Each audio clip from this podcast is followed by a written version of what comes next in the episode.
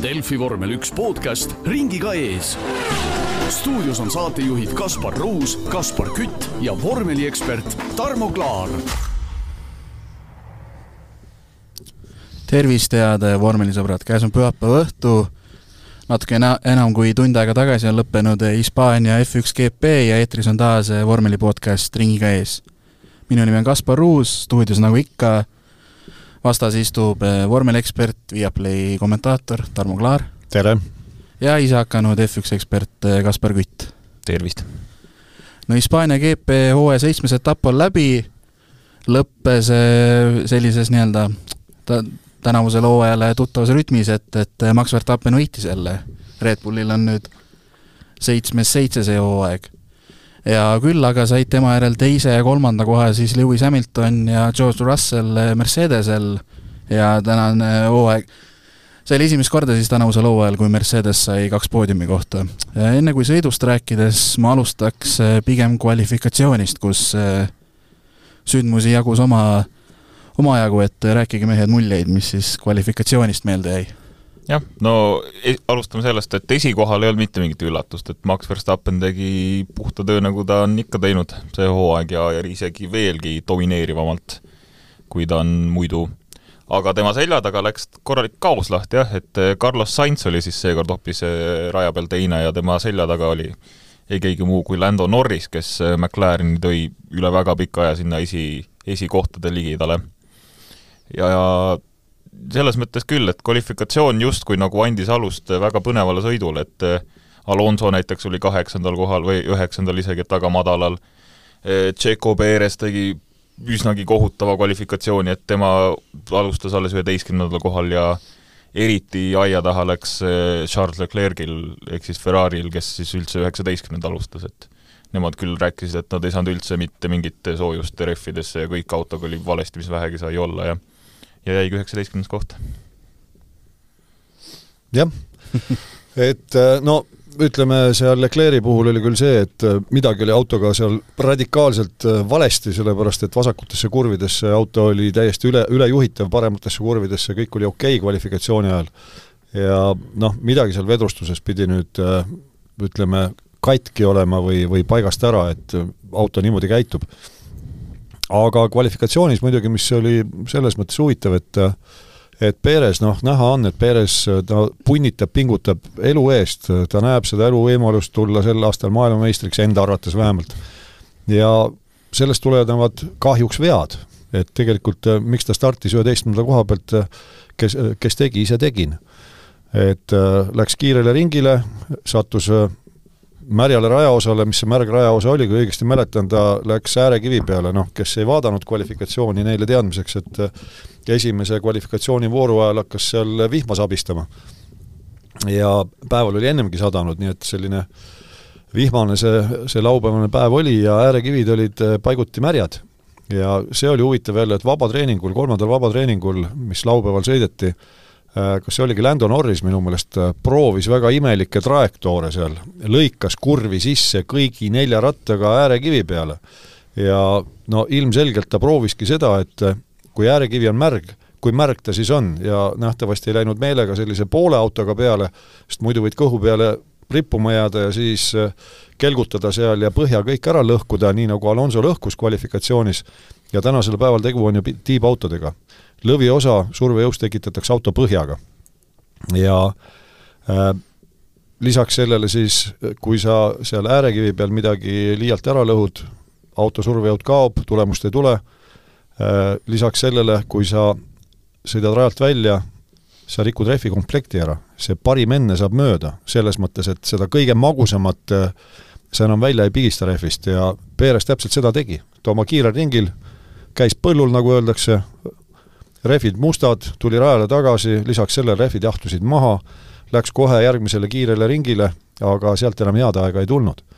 ja kvalifikatsioonist veel jah, et Alonso selline eksimus mind natukene üllatas, et äh, viimases kurvis seal ühel ringil ta sõitis välja, lõhkus põhja ära ja nii, nagu võistkond ütles, et äh, sellest hetkest, kui see äh, väljasõit käis, kuni siis viimase kvalifikatsiooniperioodi lõpuni, võistkond ikkagi seal äh, noh, kas just tati ja traadiga, aga epoliimi ja millegi muuga seda põhja seal pahteldas ja, ja, ja lihvis ja tegi ja saadi siis viiskümmend protsenti sellest survejõust tagasi, mis ära kadus selle väljasõidu tagajärjel. et see kvalifikatsioon jah, paljuski määras selle, mis mo-, missuguseks see võistlus kujuneb ja noh, mis veel huvitav, et Haasid läksid takkajärgi väi-, väidetavalt siis erinevate taktikatega kvalifikatsiooni, Hülkenberg oli esikümnes, Magnusson ei kuskil ja võistluse sees nad jälle ei kuskil, et kui kvalifikatsioonis sellel ühel kiirel ringil Hülkenberg oli nagu rööbastel, tõesti vaatad, et kas see on nüüd Haasi värvidesse värvitud Red Bull või et auto käitus väga, väga hästi ja tõesti tuli esikümne aeg, kaheksas, kui õigesti mäletan. kaheksas jah, ja Magnussen oli äh, seitsmeteistkümnes. just, siis noh, Magnussen takkajärgi ütles, et tema auto oli nii-öelda sellises äh, noh, nimetame niimoodi, et vähem survejõudu, siis sirgele rohkem orienteeritud ja võistluspäevale rohkem orienteeritud, aga summa summarum lõpetasid nad ikka ilma punktideta. Ja mis veel, noh, Barcelona on ju tuntud rada, kus on seedehäireteni testitud aastate jooksul, tohutult on andmeid. ja raja iseloom on selline, et sealt tulebki välja, milline auto on kiire ja milline auto ei ole kiire. ja nüüd noh, ette rutates võistluse põhjal võib öelda siis, et äh, tänase päeva hetkeseisu kiiruselt teine auto ongi nähtavasti üllatus-üllatus Mercedesel. nii et äh, ütleme, see kvalifikatsioon jah, äh, näitas selle kätte, et ükski professionaalne võistkond ei ole vigadest vaba, mis puudutab Leclerc'i autot, et noh, vahetati tal terve tagumine ots ära, mis tähendas seda siis, et rikuti nii-öelda kinnise pargi reegleid, aga seda teadlikult ja seda siis selleks, et auto saada võistluskorda ja ja loodetavasti boksi teelt startides jõuda punktideni, no natukene jäi puudu. ja ega Ferrari praegu ei teagi, mis sel autol siis viga oli, öeldi, et liiga vähe aega on selleks, et seda seal uurida ja puurida, muu, muude asjadega peavad mehaanikud tegelema ja tehases pärast uuritakse siis, et mi-, mis seal siis viltu oli, aga jah, vasakutes kurvides auto oli ühtäkki üle, ülejuhitav, paremates kurvides kõik hästi Mercedese puhul jah, kui nüüd nat-, nat-, kvalifikatsioonis siis äh, Russell ja Hamilton ei mahtunud ju vahepeal ära koos rajale sirge peale ja ja, ja kuidas teile see olukord tundus seal? no minu jaoks see oli jälle selline noh, ütleme siis tüüpiline Mercedese olukord, äh, kui on eriolukord. kõlas hästi, eks ole et siis, kui on eriolukord, siis on Mercedese juhtkond nagu peata kanad. no täielik müstika, umbes niimoodi, et vaadati, et oota, oota, mis nad teevad, mis nad teevad? ärge tehke, poisid. aga keegi midagi ei ütle mitte kuskilt, et oot-oot-oot, ma saan aru, et kas nad mõlemad olid minemas kiirele ringile või? või, või minu meelest oli see, et Hamilton oli minemas ja tahtis lihtsalt mööda saada, aga Russellile ei tulnud see info kätte, et Russell vist arvas, et oli aeglane. jaa, just, jah. jah, mhm. et aga ühesõnaga täielik segadus. mingi, mingi täielik segadus, et kuidas tipptiim, professionaalne tiim saab noh, niimoodi ämbrisse astuda, sama tegelikult Kasliga. Kasli väga tubli, kvalifikatsioonis neljas, aga täiesti endast sõltumatult sai kaks korda kolm kohta karistada tiimi pärast ju. oli Verstappenit mm -hmm. ja Hamiltoni vist, keda ta seal jah, see ta, ta, mhm. takistas, et äh, ja ega sõitja ei ole selles süüdi, tal ei ole silmad kukla taga, ta ei näe kaks kurvi tagasi, äh, kes kiirelt tuleb selja tagant. selleks on võistkond, kes peab jälgima. ja noh, reeglina jälgitaksegi, aga seekord siis ma ei tea, millega nad tegelesid. et äh, noh, sellised apsakad, mis tegelikult maksavad sõitjale ju kätte. Ja kes seda pärast enam mäletab, et see ei olnud sõitja viga aa, oota, selles sõidus, ah soo, kümnendalt kohalt startisid, niisugune piimamees, jah. See on ju nagu Sainz äh, Monacoski vist alles ju, blokeeris seal. Just jah, blokeeris Norrist, Norrist. kiirel ringil ja jah, sinna läks mõlemale halvasti, jah. äh, aga sõidu juurde minnes, äh, ütleme noh, tänase päeva staaris ei ole kahtlust, Max Verstappen juhtis kõik ringid, ei langenud vist kordagi teisekski isegi ja tegi, mis ta oli, karjääri vist kolmas suur slam või? vist jah, midagi taolist jah. ja ehk ja. siis äh, jah, oli kõikide vaba, vabatreeningute kiireim, kvalifikatsiooni kiireim, võitis sõidu kiirem ring ja juhtis igat ringi.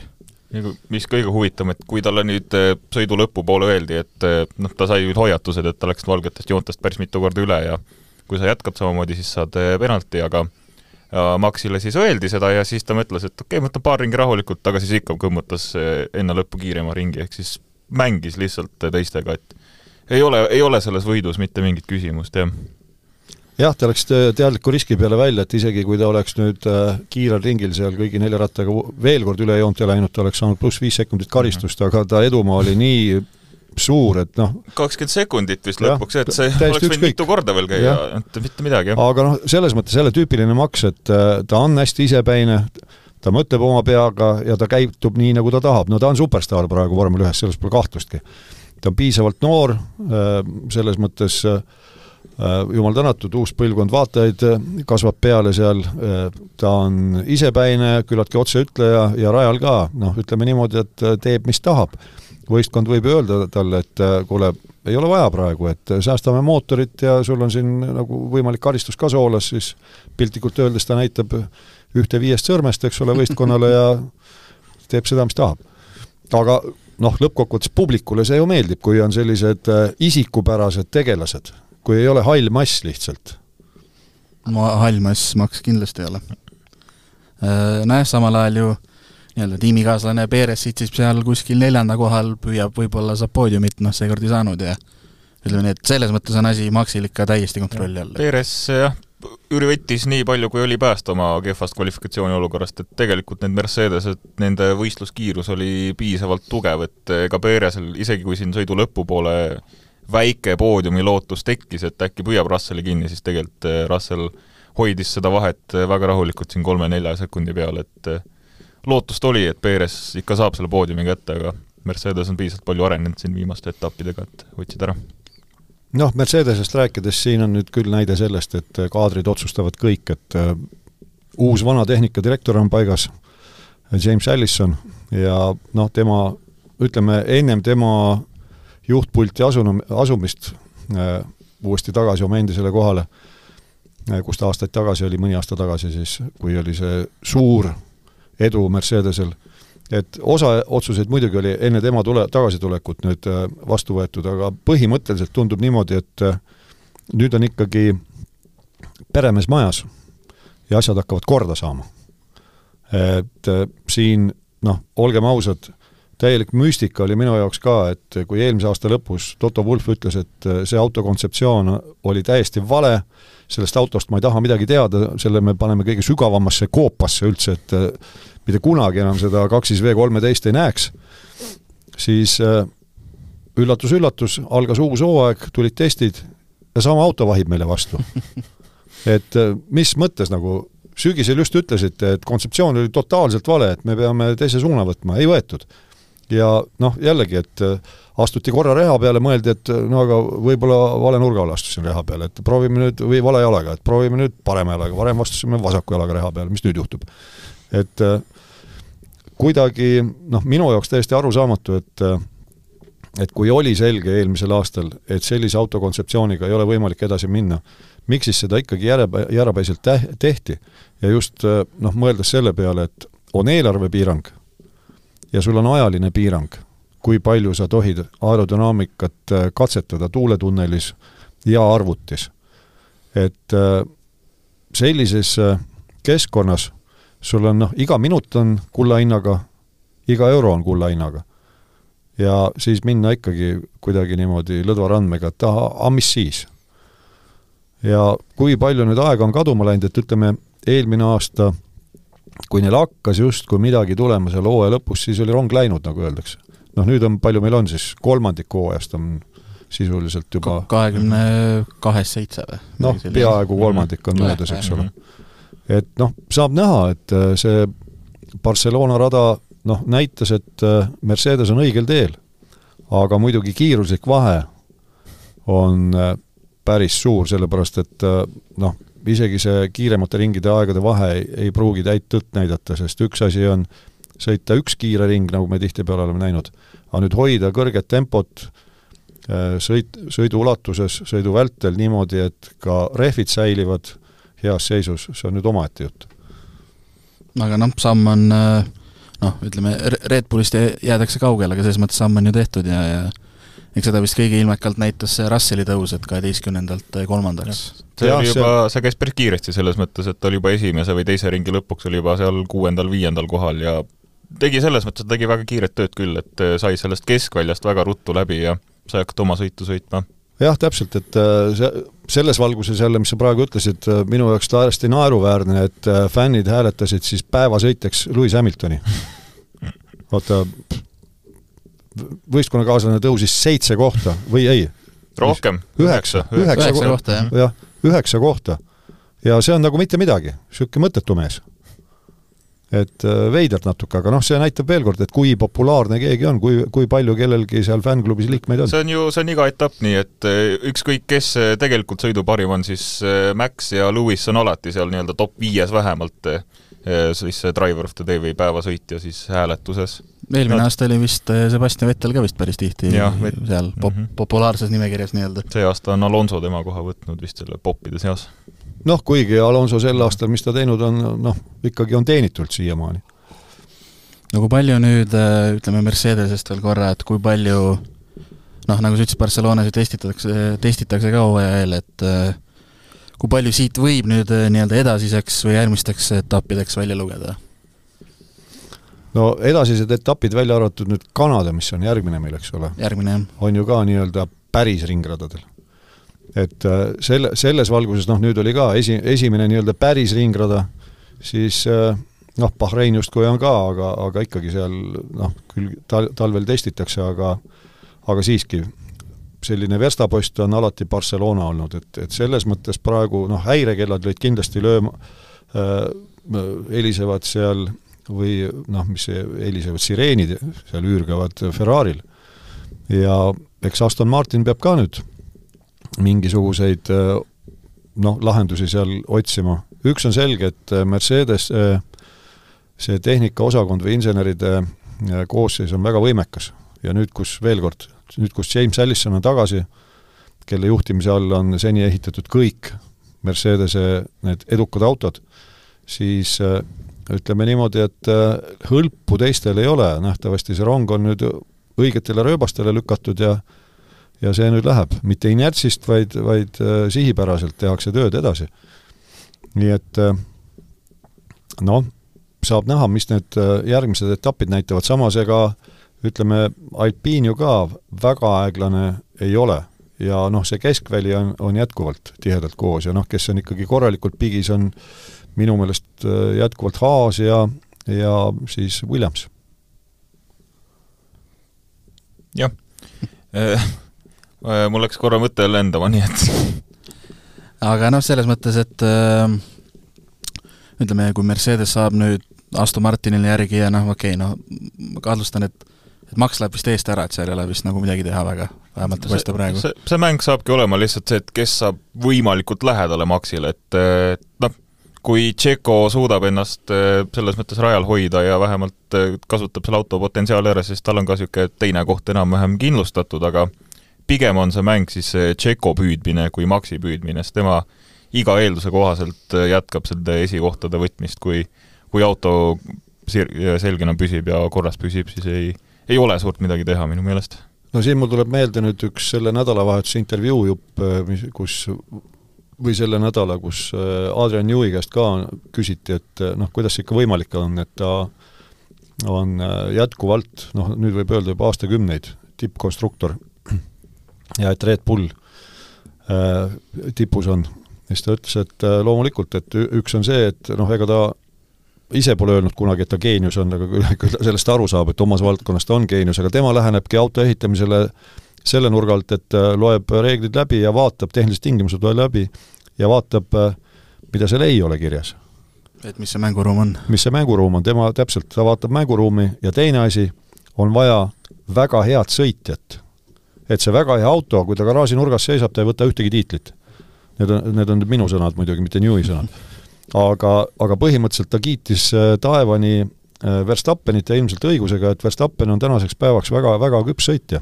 et äh, ta on väga analüütiline, ta teab, mis ta teeb ja, ja selles mõttes, kui selline kombo kokku saab, siis ta ongi võitmatu.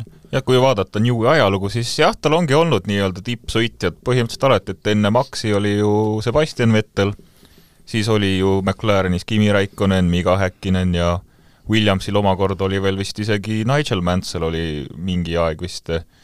ja et jah, see inseneri ja sõiti, tippsõitja koostöö toimib väga hästi selles olukorras, jah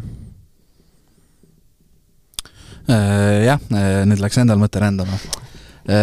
Tahtsin seda veel öelda, et ütleme, kui siin jah, ütleme, Merso nüüd natuke järgi jõuab, ega siis no mina isiklikult vastu ei ole, kui seal saab veel vanameistrite Alonso ja Hamiltoni omavahelisi näiteks poodiumiheitlusi ja niisuguseid asju näha, et täna küll Alonso sai siis seitsmenda koha, startis üheksanda, nagu ma ei eksi.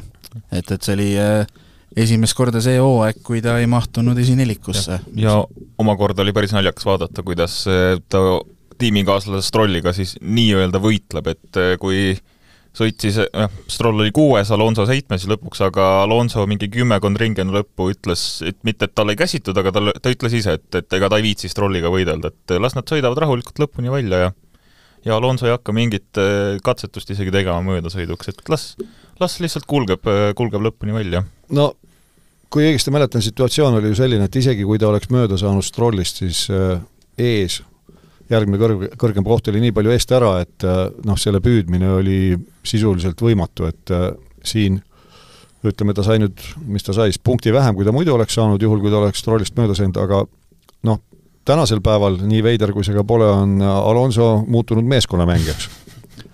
ja selles mõttes ei ole ju vahet, kumb lõpetab koht eespool, kumb tagapool. et summa ei olene ju liidetavate järjekorrast. Et äh, selle koha pealt noh, igati õige otsus ja, ja milleks minna omavahel pusima seal, et äh, noorel mehel hari punaseks selle ajada ja mine sa hullu tea, mis seal toimuma hakkab.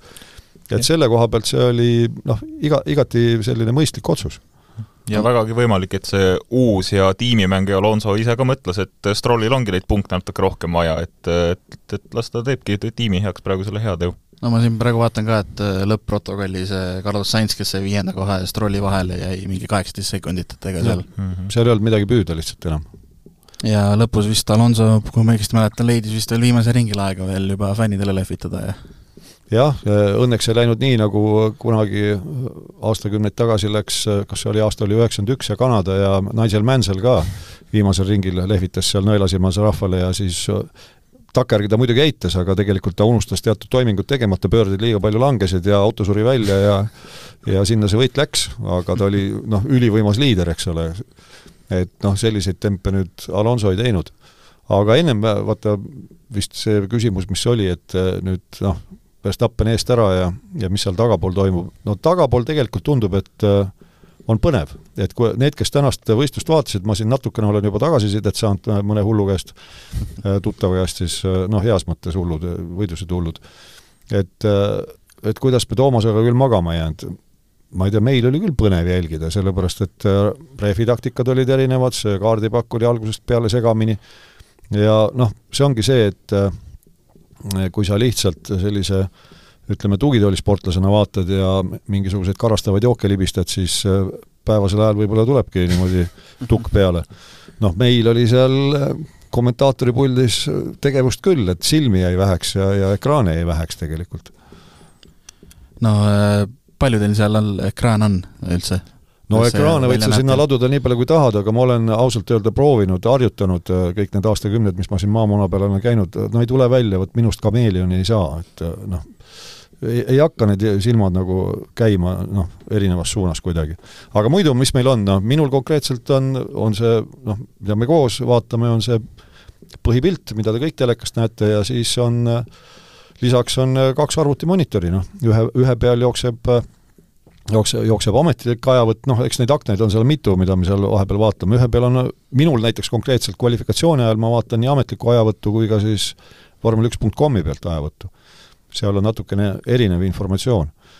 ja, ja see on veel, kui nüüd selle peale jutt läks, ütleme, kommenteerimise tehnika, siis üks asi on ka puhtalt see, et on varuvariant, sest aeg-ajalt on jooksnud, et ame-, ametlik, kusjuures ametlik ajavõtt jookseb kinni mm -hmm. ka võistluse ajal siin oli paar võistlust tagasi, kus äh, Toomas oli tõsiselt hädas, kuna minul see F1.com on, tal ei ole, noh, ma küll jagan seda lahkesti, see kõige suurem ekraani peal on see Toomasele ka näha, aga ühel etapil ametlik ajavõtt oli mitu ringi hangunud, ametlik ajavõtt, mida me näeme, nii et äh, noh, proovi sa siis seal mingit ülevaadet saada, kui sul muud infoallikat ei ole. see on nagu siis see, et äh, nii-öelda nagu tribüünilt vaatad, et näed autosid mööda sõitmas, aga kes mis kohal on, mis võitlus käib ja niimoodi. no põhimõtteliselt just, jah. No tänase päeva ma ütleks, et ma arvan, et nõustute kõige nii-öelda suurem põru ja Lando Norris, julgeks pakkuda, et McLareniga alustas kolmandat kohalt, aga enam-vähem raske, jah, selles mõttes ta juba laupäeval ütles, et see kolmas koht oli puhas kobin ja talt küsiti, et no mida sa pühapäevaks ootad, siis ütles noh, kaks ringi maas lõpetan ja ütleme nii, et esimese ringi põhjal võiski nii eeldada, et ega ta sealt ei tõuse, sest et eh, ta suutis vist eh, paarsada meetrit suutis hoida kolmandat, esimeseks kurviks oli juba langenud ja siis tuli veel, eh, läks rehv katki ja, ja niimoodi siis läkski kohe boksi ja ja ega siin ei olnudki mingit sõitu, kus põruda, selles mõttes, et see oli juba esimesest ringist täiesti läbi tal, et kogu neid, kogu neid miile veel seal tagaotsas lihtsalt ja sõida lõpuni välja, oli tema eesmärk pärast seda. no eks tema, see Kirstu Nael oligi see kokkupõrge seal stardis Agines ja, ja see kohe alguses tehtud ülipikk poksipeatus, et see on ka jälle see teema, et millal see ülipikk po-, po-, noh, ülipikk, siis kui vahetatakse rattad ja vahetatakse esitiib. See lihtsalt võtab füüsiliselt aega, ratastega käib kähku, nagu täna, täna me nägime, noh, ma ei tea küll, tagantjärgi veel pole jõudnud vaadata, kas tehtigi tä-, täna selle äh, viimaste aegade re rekord või kellel see oli seal, kaks sekundit? kas oli vist Red Bullil jälle? ma nägin küll, et kaks ja, sekundit, aga kaks, mul ei kaks sekundit jah, seda ja. pole ammu näha olnud, et selle hooaja rekord siiamaani, kui õigesti mäletan, oli Ferrari käes mingi kaks koma üks. aga ninavahetus, see võtab aega, seal on küll noh, tehtud kõik selleks, et, et suhteliselt kiiresti saaks. aga nüüd, kui see toimub kohe võistluse alguses, siis kui punt on koos, siis see kaotus on ju meeletu.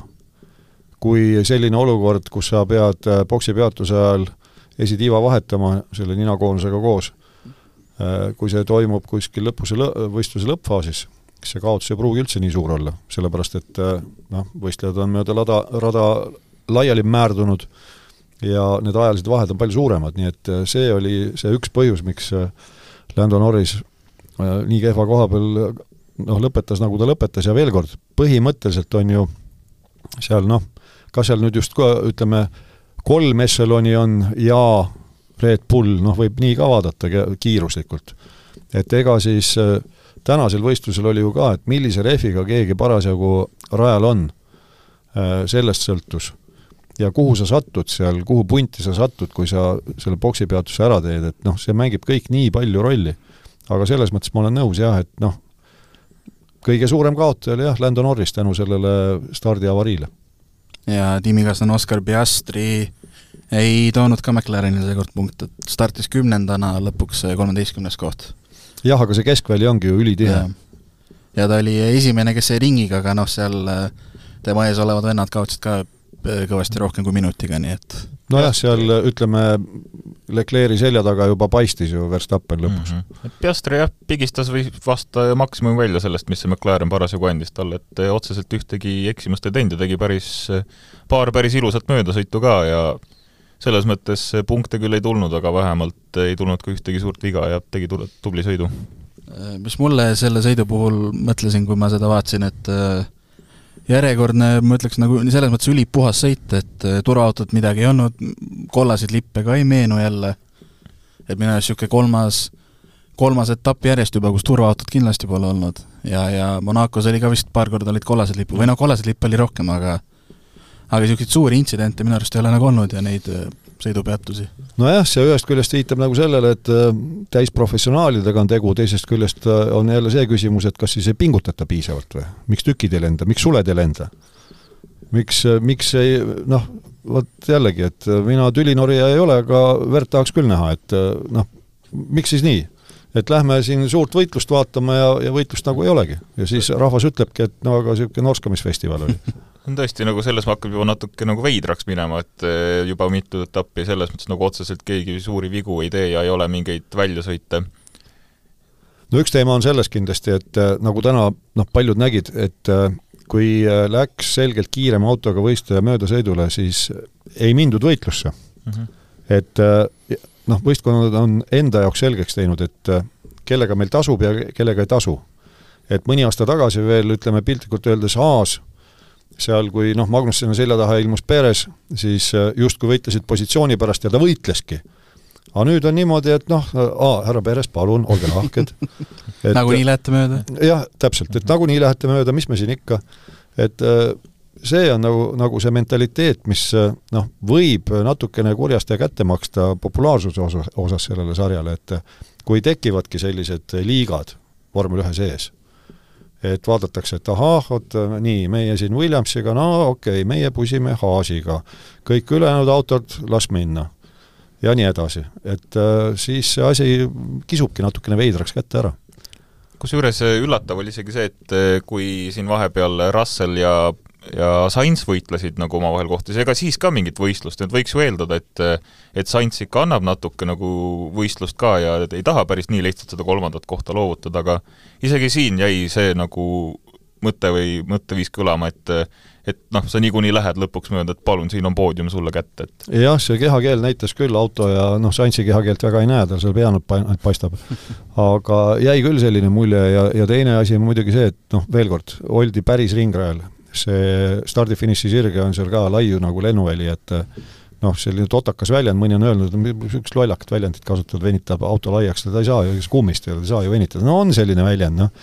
et äh, ongi raske, sellisel rajal ongi raske kedagi selja taga hoida, kes on tõsiselt kiire, kui see kiiruslik vahe on väike, vot siis tekivad sellised ma-, momendid nagu seal pidurdusmaa lõpus, kui Alonso, kellest ta seal mööda sõitis, peaaegu boksi teele sõitis, seal tekkis see see võimalus. et äh, nii, nii ta paraku on jah, ja noh, siin jääb üle ainult loota, et äh, ikkagi insenerid teevad nii palju tööd selle auto arendamisel ja et äh, reeglid püsiksid jätkuvalt stabiilsed, et siis ka see seltskond läheb rohkem tihedalt kokku ja näeme rohkem selliseid mees mehe vastu võitlusi. ka noh, nende poolt siis, kes justkui ei peaks võitlema seal näiteks Red Bulliga.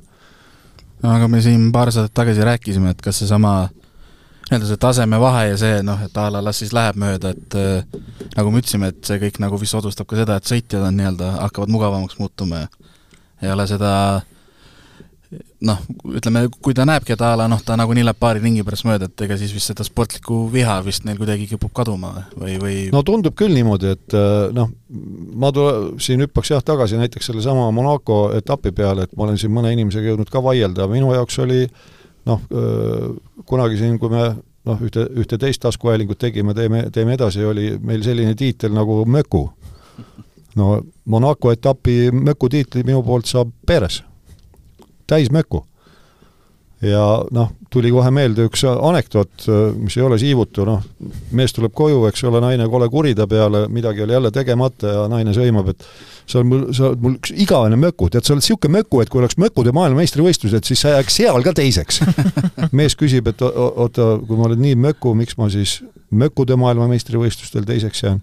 naine hetkeks kimbatusest jäi vait ja siis ütles, sellepärast, et sa oled nii möku. no vot, nii möku oligi Perez tegelikult äh, seal Monacos, et äh, sul ei ole mees mitte midagi kaotada, mitte midagi ja sa ei proovi ka või, või siis okei okay,, tal katus sõitis, ta proovis, aga täiesti valel ajal. mitte et vales kohas, aga valel ajal ja sellist noh, nagu strateegilist mõtlemist, seda rünnaku ettevalmistust ei olnud näha. et kui sa sõidad teisel sabas, sa jälgid, kus on tema nõrgad kohad, sinu tugevad kohad, siis valmista see rünnak ette, võib-olla kuskil kurvis sa jääd natukene maha selleks, et mujal võita, järgi jõuda ja siis nina vahele panna. seda ei näinud Monacos. Äh, siin nüüd Barcelonas on teine äärmus, see on päris ringrada, see on lai ringrada. Ja seal ongi võimalik tõusta ja Perez tõusiski, noh küll mitte päris lõpust, aga üheteistkümnendalt kohalt äh, ta tõusis neljandaks, eks ole. on teil äh, tänase sõidu kohta veel F1 raames midagi öelda uh,? ei noh nii palju on, et, et veel kord jah, tõesti näitas hetkejõudude vahekorra ära ja, ja midagi on nüüd seal Ferraris mäda, ütleme nii, noh, mis paljudele ei ole muidugi üllatus, aga ka nemad tõid nüüd uuendused ja paljud lootusrikkalt tõid uuendused äh, siia Barcelonasse või sinna siis, just selles lootuses, et on tegu selle rajaga, mis toob välja kõik need head ja vead. ja no ütleme, kahjuks minu meelest küll, rahvas peaks sellega nõustuma, kahjuks äh, Ferrari need uuendused ei ole toiminud tegelikult. et ta, ta jääb alla Mercedesele, ta jääb alla, mina julgen väita, et oleks äh, startinud eestpoolt äh, Alonso, no küll seal seda võitlust oleks rohkem olnud, noh, Stroll paraku päris tema tasemel ei ole. et Ferraril praegu ei ole head päevad ja Taits langes ka teiselt kohalt, lõpetas siis viiendana täna. jah, ja see langemine seal oli ühtäkki isegi minu jaoks kuidagi jube raju, noh, meile ei näidatud, võib-olla ta tegi, tegi kuskil sõiduvea või midagi aga kuidagi väga äkki sa said Mercedesetest mööda. seda nagu ei olnud küll ühtegi ohumärki selles, ei tundunud, et oleks midagi viga teinud, lihtsalt see sõidukiirus ja see mitte mingit kiirust ei ole lihtsalt selles mõttes ja. põhimõtteliselt jah, et nagu kivi langeb siin Mercedeste saaki. aga ma tahaks öelda, et Guan Yu show poolt oli jälle üks eh, väga tugev sooritus ja nüüd eh, tema üheksanda kohaga ongi tiimikaaslase eh, Valteri Bottasega siis täiesti ühele pulgale tõusnud, et mõlemal on neli punkti ja see nädalavahetus oli siis selline, kus show oli stabiilselt kogu aeg oma tiimikaaslasest kiirem ja ja lihtsalt äh, oma teisel hooajal nüüd show ju teeb täitsa tublisid esitusi jätkuvalt ja ja näitab, et ta täitsa väärib seda kohta ka Sauberi tiimis, Alfa Romeo tiimis siis. jah, et kui seal ütleme, Potas on öelnud, et äh, noh, ta tunneb ennast väga koduselt äh, Sauberis siis, ehk siis alias Alfa Romeos siis tekibki küsimus, et võib-olla on ikkagi Botas seda tüüpi vend, kellel peab noh, tuline ora kogu aeg istmikus olema, et noh, siis tuleb mingi tulemus, et praegu võib-olla ongi liiga kodune tunne, et noh, kodus noh, oledki chill ja grill ja kõik on hästi. see on, mu Botase nii-öelda isiklik stiil ka näitab seda, et mullet ja, mullet ja vunts ja Austraalia nii-öelda grilli, grilli, grilli vibe on tekkinud tal täitsa, et võib-olla ei huvitagi varsti F1 väga enam teda noh, kes teab jah, kuigi ta ise väga loodab, et äh, õnnestub lepingut pikendada isegi nii kaua, see, kui siis Audi päris ametlikult kohe üle võtab Sauberi. aga praeguste esituste põhjal ma küll ei kujuta ette, et keegi väga teda tahaks sinna, hoolimata tema kogemustest. no ma vaatan praegu siit tabelist jah, et Botase need neli punkti tulid ka hooaja avetapilt. ja, ja selle nüüd vahepeal on siis show on äh, kaks korda esikümnes olnud ja äh, vabandust, äh, ma ise jätkaks veel Eesti teemadel, et, et oli meil ju endal ka Paul Aron see nädalavahetus jälle võistlustules ja stabiilne nädal, et äh, kvalifikatsioonis viies, sprindisõidus viies, täna põhisõidus viies ja ka MM-i üldarvestuses viies. see tundub justkui nagu, et Aron ei tee mitte midagi kirevat oma sõidustiilis või midagi nagu erilist, vaid lihtsalt äh, konkreetselt sõidab stabiilselt ja enesekindlalt lihtsalt, et teab küll, mis tal kaalul on ja teeb selliseid esitlusi, nagu on vaja parasjagu. ei sõida autot üle ja ei tee mingeid lolle vigu ka, vaid lihtsalt äh, hoiab stabiilselt ennast. no vot, siin ongi nüüd see oht, et äh, mida mina olen jauranud äh, päris pikka aega, et kui keegi Eestis tippmootorispordisarjas tahab kuhugi jõuda, pallimängudes on teistmoodi, siis sa pead suurrahvaste esindajatest, suurturgude esindajatest peajagu üle, üle olema et äh, see, et sa oled stabiilne ja tood ühes tükis auto koju, äh, see on tore kõik ja hästi, aga sa pead särama. ja noh, ütleme niimoodi, et kvalifikatsioonis Aronist räägiti päris palju ja seal oli nüüd, no vormel kolme ta tikubki niimoodi olema, et sa pead olema noh, nagu sellel kõige õigemal ajal rajal. aga võta nüüd kinni, et millal see on, selles mõttes, et noh, teoreetiliselt muidugi täitsa kvalifikatsiooni lõpus, aga tasub meelde tuletada meie kuulajatele ka, et kui me vormel kolmest räägime, siis seal on rajal kolmkümmend autot. kvalifikatsiooni formaat on hoopis teine, mis on pool tundi, eks ole. jah, pool tundi. ja selle poole tunni jooksul siis sa pead selle parima ringi sõitma ja nagu ikka, kõik eh, jahivad seda parimat aega ja see parim aeg on ikka need viimased minutid ja siis on kõik see kolmkümmend autot rajal. ja nüüd tohutult sõltub sellest, et eh, kuhu sa seal rajal satud. ja noh, ega Barcelonas oli ka näha, et äh, ikka jahiti seda, seda viimast hetke niimoodi, et äh, osa seisid lausa järjekorras paaris viimases kurvis ja siis on see oht, et jälle rehv jahtub maha ja ja lihtsalt äh, ta ei tööta hästi, sul ei ole rehva, rehvi pidavust ja seda aega ei tule. aga teisest küljest jälle on positiivne see, et ega siis Arona, ütleme, Paul Aron siis, oma võistkonnakaaslastele ei jää ju alla tegelikult. et kui me ka kvalifikatsiooni tulemusi vaatame, siis noh, nad on ühes pundis koos kõik. et äh, selles mõttes pole hullu midagi, aga nüüd oleks seda sähvatust vaja ja päris mitut. no siin jah, tiimikaaslane Dino Beganovitš on, äh, täna sai kolmanda koha kokku on hooaja jooksul kolm poodiumit, et, et äh, Aron on olnud selles mõttes stabiilsem, et tema on ainult ühe korra jäänud esikümnest välja, Beganovitšil on seda mõned korrad rohkem juhtunud.